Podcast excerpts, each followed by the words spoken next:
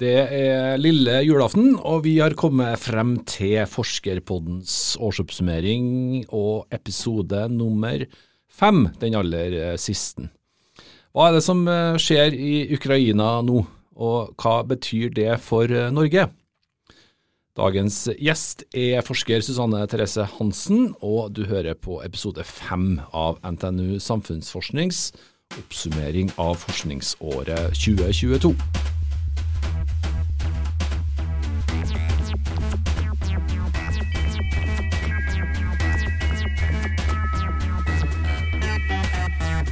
Forskerboden er NTNU Samfunnsforsknings egen podkast, og vi tar opp eh, de her minuttene i studio på Dragvoll i Trondheim. Navnet mitt er Vegard Y. Smevold, og jeg er som vanlig programleder. Velkommen eh, tilbake til Forskerpodden-studio, Susanne.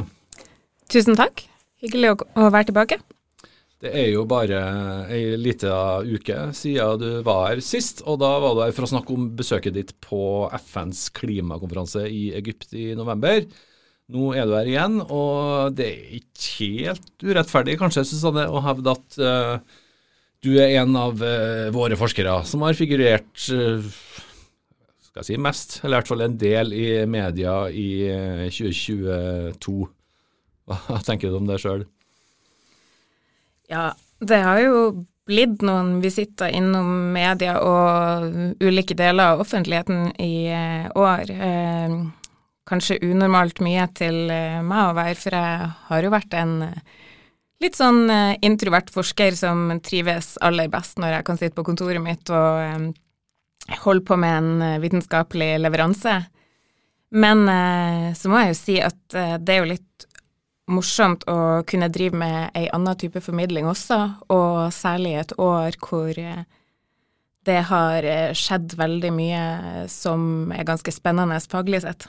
På uh, sikkerhetsfeltet, tenker jeg da. Mm. er ikke et riktig ord å bruke? Ja, altså um, Jeg er jo statsviter, og vi er jo uh, veldig glad i politikk. Eh, og jeg er jo også veldig interessert i internasjonal politikk. Eh, empirisk så har jeg jo jobba med veldig mye forskjellig, men jeg har jo lenge hatt en faglig forkjærlighet for eh, folkerettslige spørsmål, for eh, internasjonalt samarbeid innen EU og FN, for sikkerhetspolitikk, eh, for norsk russlandspolitikk, eh, og ikke minst hvordan hendelser der ute påvirker vår offentlige politikk og norske virksomheter. Um, og 2022 har jo vært et år hvor alle de her faglige interessene uh, mine har fått klare motparter der ute i empirien. Um, så ja, det har vært et, uh, et spennende år. Mm, denne kunnskapen som du ramser opp her, Susanne, uh, ble jo da nyttig fra og med 24.2 i år da vårt eh, naboland Russland angrep sitt naboland Ukraina. Og det er selvfølgelig det det skal handle om i dagens eh, episode. Eh, du Susanne, jeg kan innrømme hva jeg sjøl tenkte da det skjedde 24.2. Jeg tenkte litt sånn Jeg var så lei av pandemien, og da tenkte jeg at OK, vi fikk tolv dager ja, i, i frihet fra kriseoverskrifter i avisene. Det var det vi fikk kanskje litt sånn sjølopptatt eh, tanke, egentlig. Nå hadde jeg lyst til å lese om helt andre ting enn eh, det som uh, hadde noe med krise å gjøre. Hva tenkte du 24.2? Ja, som deg så tror jeg jo jeg var Jeg husker jo jeg var inne på tanken om at her avløste den ene krisa den andre. Eh, og vi fikk jo ikke mange dagene med pusterom eh, mellom de her krisene. Eh, samtidig så hadde jeg jo fulgt litt med på utviklinga eh, fra russisk side. Eh, så da dagen kom, eh, så var jo reaksjonen min på selve krigen både en sånn overraskelse og vantro, eh, men også bekreftelse og ikke overraskelse. Eh, mm. Det som, eh, skjedde, var jo det mange frykta når man så på situasjonsbildet, men som man samtidig har tenkt at nei, det, det er jo utenkelig. Ja, for jeg, jeg husker tilbake, så tenker jeg at de fleste ekspertene tenkte det. At nei, det, her, Mm. det, det skjer ikke. Krig i Europa i 2022. Det er så utenkelig. Mm. Ja, altså i tida før invasjonen så sto jo russiske tropper langs grensa til Ukraina, og de hadde gjort det en stund. Og det russiske regimet hadde jo også forflytta tropper internt i Russland og ned og inn mot Ukraina. Eh, og denne type troppeforflytting er jo normalt en, et tegn på én ting, nemlig eh, planer om invasjon. Eh, og så sa jo også veldig mye troverdig etterretningsinformasjon at invasjon nettopp eh, var Russland sin ambisjon. Eh, og i ettertid så har det jo, som du er inne på, oppstått eh, en del diskusjoner forskere imellom om hvorfor mange ble overraska eh, da Russland gikk til angrep. Eh, og selv så tror jeg jo at noe av grunnen til at mange ble overraska, handla til dels om at vi mennesker er skrudd sånn sammen at vi ikke vil ta inn over oss det verst tenkelige scenarioet alltid. Eh, og at mange håper i det lengste at eh, det man frykter, ikke vil inntreffe. Eh, og så, som du også er inne på, så er det jo bare å erkjenne at det er jo veldig lenge siden vi har hatt en storkrig midt i Europa. Og vi har jo blitt veldig vant til den her ideen om at Europa er et fredelig sted i verden, eh, også Øst-Europa etter hvert. Eh, og så kommer man jo heller ikke unna det her med at mange nok antok i begynnelsen at eh, Russland bare rasla med sablene og la press på Ukraina for å oppnå eh, politiske mål der. Mm, det var kanskje litt sånn vi tenkte også da det begynte å komme uh, urovekkende uh, virusnyheter fra Nord-Italia vinteren 2020. Det kommer jo ikke til Norge, gjør det det da? Tror jeg nok mange tenkte. Og så gjorde det det likevel, og det ble også krig likevel, selv om vi ikke eh, trodde helt på det. Når eh, skjønte du at uh, du sitter på kunnskap som kunne være relevant for uh, journalister og avislesere å høre på, Susanne? Uh, ja Ikke sikkert det var noe sånn breaking point her på vinteren, men Ja, nei, jeg, jeg fikk jo en telefon fra en journalist allerede første dagen av invasjonen. Så det tok jo ikke så lang tid før, um, før uh, journalister begynte å ta kontakt. Uh, og det er klart, mange journalister gikk jo Grevde jo djupt for å finne folk som kunne si et eller annet om et eller annet som hadde med krigen å gjøre. Uh, men det jeg også har syntes har vært interessant i år, er jo at jeg som forsker opplevde at jeg kunne si noe om ulike dimensjoner eh, av det som foregikk. Eh, jeg har jo tidligere holdt litt på med norsk russlandspolitikk, eh, og kunne uttale meg litt om det her, særlig i begynnelsen. Eh, og så oppsto jo etter hvert nye ting, eh, f.eks. da det ble aktuelt for Norge å sende våpen til Ukraina. Eh, jeg har jo forska en del på våpeneksportkontroll, og da særlig kontrollen på utførsel av materiell som kan komme til å brukes i strid med folkeretten. Eh, og da krigen i Ukraina starta, så begynte jo veldig mange land å forsyne eh, Ukraina med våpen, og i Norge så oppsto det jo også en debatt om man kunne eksportere. For å eksportere, det ville jo innebære eh, at man måtte sette til side noen veldig gamle eh, prinsipper og regler om at vi ikke skulle eksportere militærmateriell eh, til land der det er krig, eller der krig truer. Eh, og til slutt så konkluderte man jo fra norsk side med at retten til å beskytte seg mot angrep måtte veie tyngre enn prinsipper eh, om å ikke eksportere til land hvor det er krig. Um, og på dette tidspunktet så hadde jeg nettopp publisert en artikkel om norsk våpeneksport, eh, hvor nettopp det her prinsippet om ikke-eksport til land eh, der det var krig eller krig trua, sto sentralt. Eh, så da ble det jo plutselig naturlig å gå ut og si noe om eksporten til Ukraina i en kronikk. Og seinere, da, så har vi jo eh, fått sabotasje mot gassrørledninger, eh, og vi har fått droneaktivitet eh, rundt norske petroleumsinstallasjoner. Og det her har jo da blitt relevant for prosjekter eh, vi jobber med i dag, og, og planlegger å jobbe med eh, ved Studio Apertura. Som er så, din eh, avdeling, den avdelinga du er knytta til her i NTNU samfunnsforskning? Ja. Krig i Europa, sier jeg. Eh, altså, tror jeg nok kanskje folk flest ikke tenker at det er så kjempenært likevel, nå når vi nærmer oss jul. og har en ganske vant uh, førjulstid. Men uh, det vi har merka, er jo at uh, krigen også får skylda for både økte matpriser, dyrere strøm og en drivstoffpris som går veldig opp og ned. Hvorfor er det sånn, Susanne, at en krig Jeg sier den er langt unna, men den er jo kanskje ikke mm. heller påvirker oss så, så, så, voldsomt i hverdagen? Ja, det her med inflasjon er jo helt klart noe vi, vi kjenner på kroppen akkurat nå. Eh, nå er jo ikke jeg noen økonom, eh, men det er jo sånn at ikke all inflasjon vi ser nå, kan tilskrives krigen. Eh, noe av den har jo å gjøre med covid-19-pandemien, eh, og henger sammen med f.eks. pengepolitikken som ble ført under pandemien, eh, og noe henger sammen med leveringsproblemer i varemarkedene som følge av pandemien.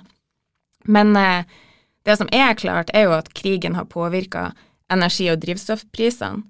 Eh, Russland er jo en gigantisk olje- og gasseksportør, og har jo i flere tiår forsynt Europa med gass gjennom flere rørledninger. Ehm, men etter krigen så har det jo blitt en drastisk reduksjon i de her leveransene. Delvis som følge av russisk stans i leveransene, men også delvis som følge av at mange land har eh, begynt å trappe ned på eller å stanse innkjøp av olje og gass fra, fra Russland. Altså europeiske land snakker vi om da.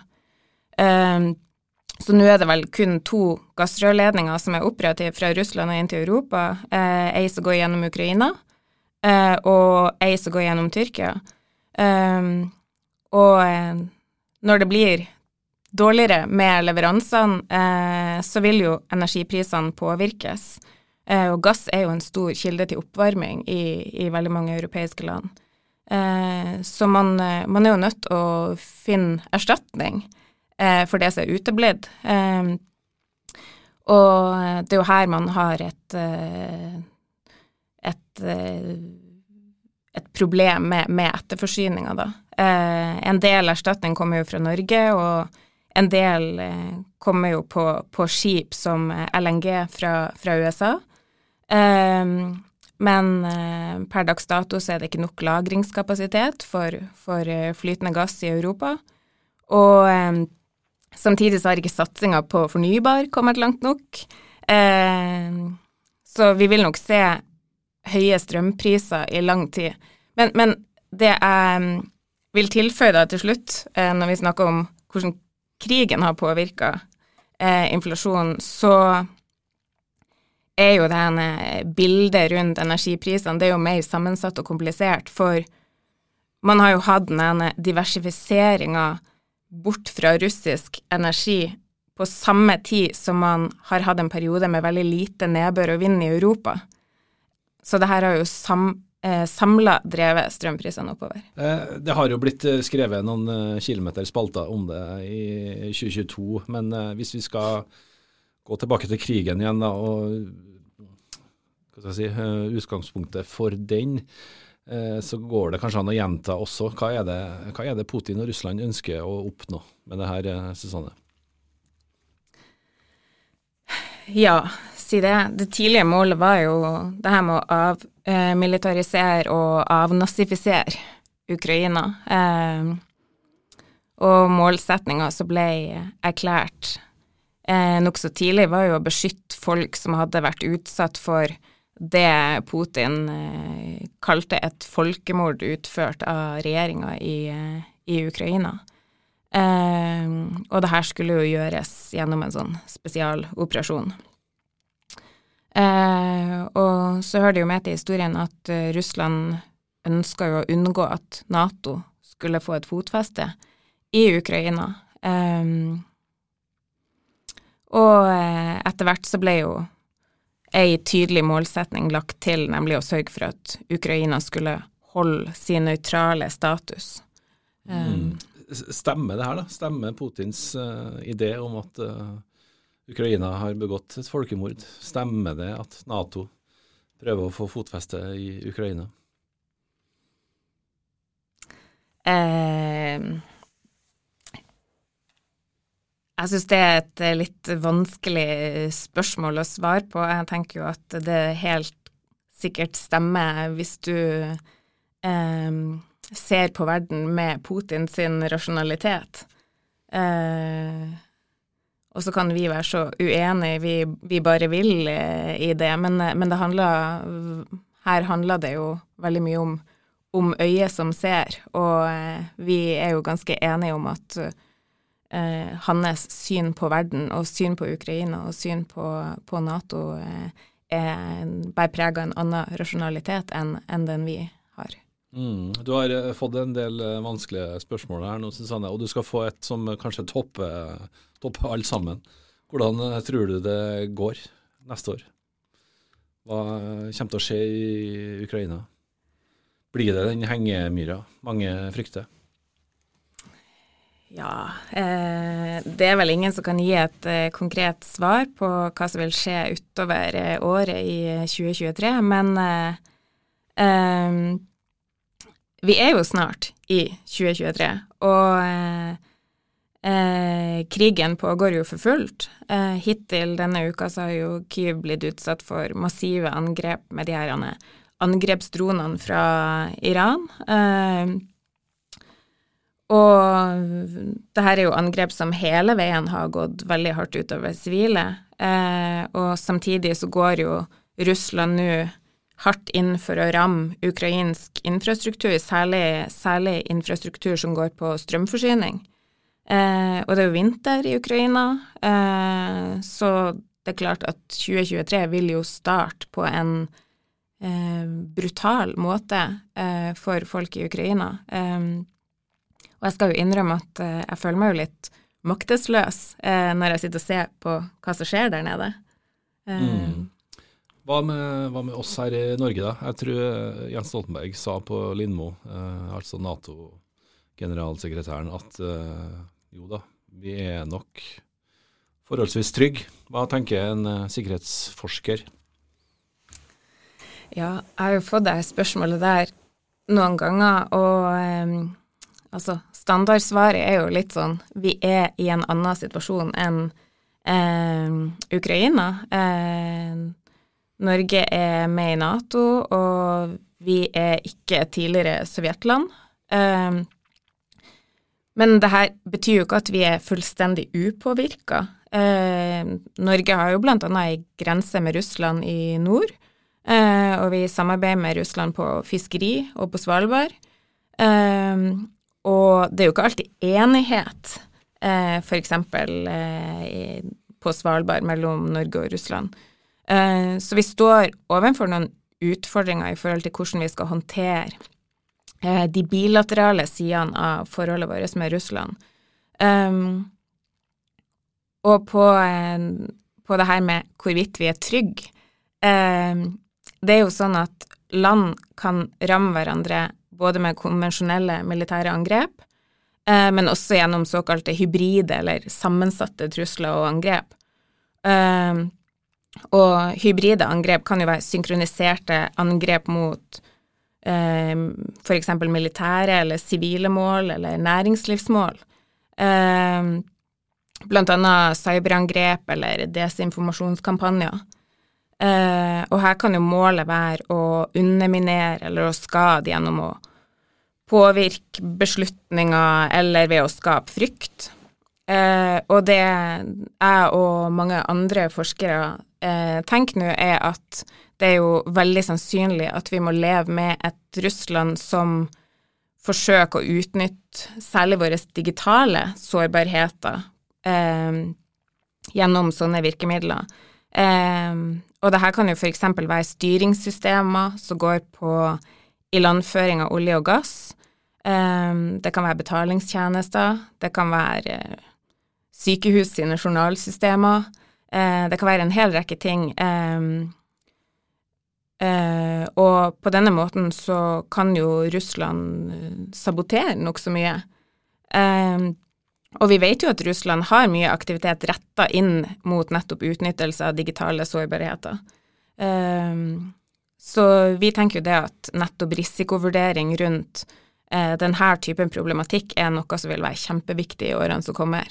Um, så svaret er vel egentlig at jeg kan jo ikke se noen sånn eh, storstilt eh, invasjon. Eh, Russland har jo ikke kan, kan, ikke stå på flere fronter samtidig, men, men, eh, men eh, en annen type trusler, eh, det står vi jo helt klart overfor. Mm. Og så har kanskje nettavisene roa seg litt ned med den verste skremselsjournalistikken som eh, kanskje våren og sommeren var prega av også.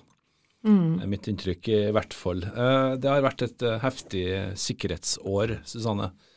Hvordan, eh, hvordan, klarer du, eller klarer du å koble av i jula nå, når det er straks ferie? Ja, det tror jeg skal gå helt fint. Men, men jeg kommer nok til å konsumere en del nyheter. Det, det, må jeg jo bare innrømme. Sammen med familien? ja, det blir ei eh, rolig hjemmejul med familie og venner. Og litt nyheter eh, på kveldstid, kanskje? Det, det må til.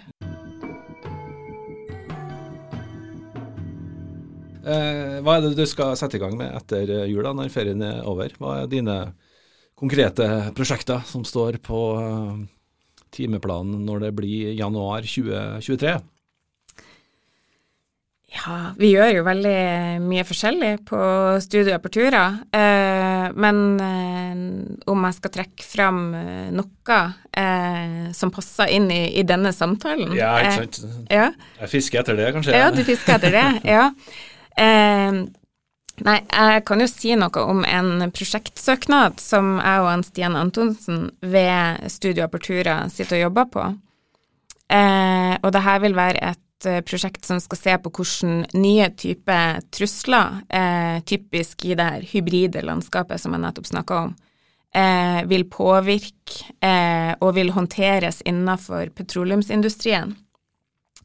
Eh, vi sitter jo og jobber med, med, et prosjekt allerede som går på risikovurdering i petroleumsindustrien, men som ikke eksplisitt ser på hybride trusler. Eh, og så mener jo vi at det ligger en del helt konkrete utfordringer i, i det at norsk petroleumsindustri er verdensledende på, på safety, eh, altså HMS og storulykkeproblematikk og den type ting, men nå må håndtere en langt bredere meny av eh, risikoer og, og um, sikkerhetsscenarioer som tradisjonelt ligger på bordet til aktører som f.eks. For Forsvaret og, og PST. Eh, så vi ønsker jo å se på hvilke utfordringer industrien eh, står overfor på dette området. Um, og det er jo, syns vi, er veldig interessant hva som skjer når geopolitikken og internasjonal politikk eh, på sett og vis tar heisen ned ikke bare til statsnivået, hvor det handler om statssikkerhet, men, eh, men også til industrinivået, og særlig til den delen av industrien som går på nettopp kritisk infrastruktur og på strategiske ressurser. Eh, det er jo klart at norsk petroleumsindustri er et gigantisk sabotasjemål dersom en aktør forsøker å ramme eh, energiforsyninga til Europa. Um, så vi har kjempetro på det her prosjektet, som uh, enn så lenge er på uh, søknadsstadiet, men vi har sånn tro at jeg, jeg våger å, å, nevne det her i, i podkasten i dag. Så bra. Det høres eh, veldig lovende ut og interessant. Så kan det hende at både du og Stian eh, dukker opp igjen her i Forskerpodden-studio i løpet av eh, 2023. Det må vi tørre å håpe på. Og så får vi krysse fingrene for at eh, det blir eh, litt færre kriser og sjokkarta nyheter eh, neste år. Det er ikke sikkert vi får det juleønsket oppfylt, men eh, vi får se. Vi får se og vi får håpe, ja. Mm, og så ønsker jeg deg god jul, Susanne Therese Hansen. Takk for at du var med nok en gang. God jul, og takk for at jeg fikk komme.